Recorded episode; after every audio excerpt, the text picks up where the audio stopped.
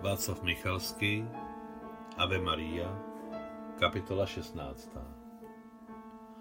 Po odjezdu veselé zpěvačky Anet začalo být v domě temno a smutno.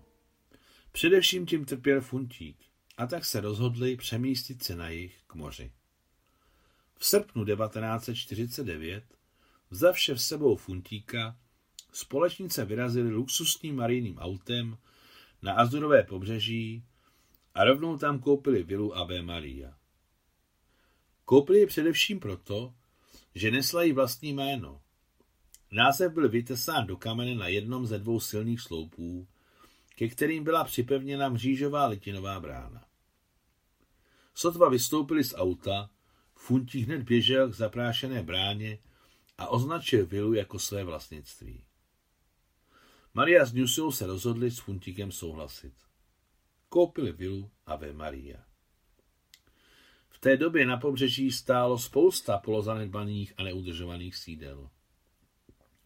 Plevel byl okolo vily Ave Maria vyšší než výška průměrného člověka. Totálně převládal čirok. Poznámka pod čarou. V daném případě se jedná o ve středozemí poměrně rozšířený čirok halapský, sorghum halapens kterému se říká také Joksova tráva nebo čumaj. Konec poznámky pod čarou. Tato rostlina z řádu lipnicovitých kvete od června do srpna, takže kamarádky trefily sklizeň.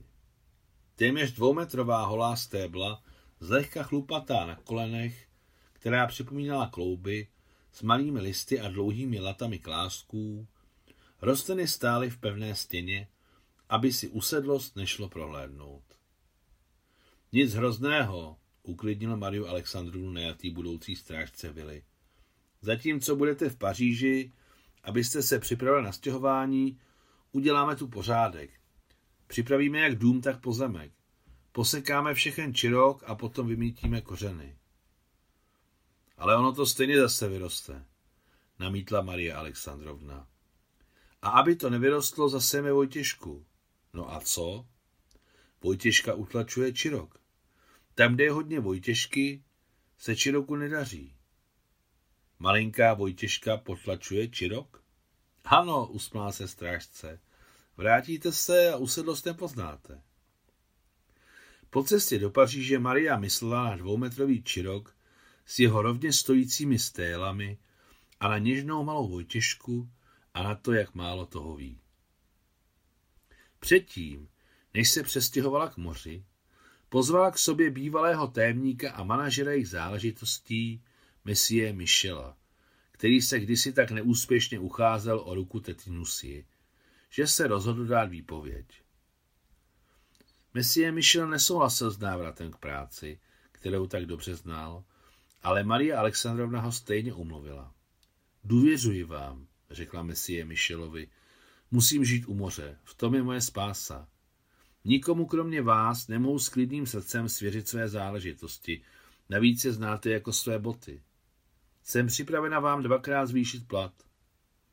Messie Michel nespěchal s odpovědí. Třikrát.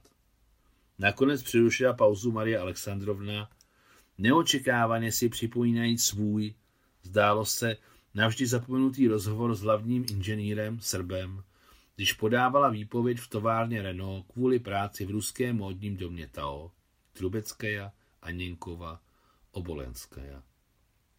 Srpí tenkrát také navrhl trojnásobné zvýšení platu. Zvyšovat mi plat není nutné, i tak je dost vysoký. Hledě na podlahu, promluvil Messie. Jak se má váš kocur Pascal? Nijak, madam, zvedl oči Messie Michel. Již není. Messie Michel, moc vás prosím, kvartální report? Jak vám to bude vyhovovat, Messie Michel? Konzultace po telefonu? Jak je libo? Ale občas nám přijedete k moři. Ale vždyť tam zešílíte nudou, Madame Marie. Ale vy jste nezešílel. No, jak vám to říct? Ve světle šedých očích Messie se myhla taková otrávenost, že Marie Alexandrovna se začala cítit jako jeho rodina. Vidím, že jsme v podobném stavu. Pojďme si navzájem pomoci. Velmi jednoduše a měkce řekla Maria Alexandrovna. Zkusme to. Dám se dohromady, madame Marie.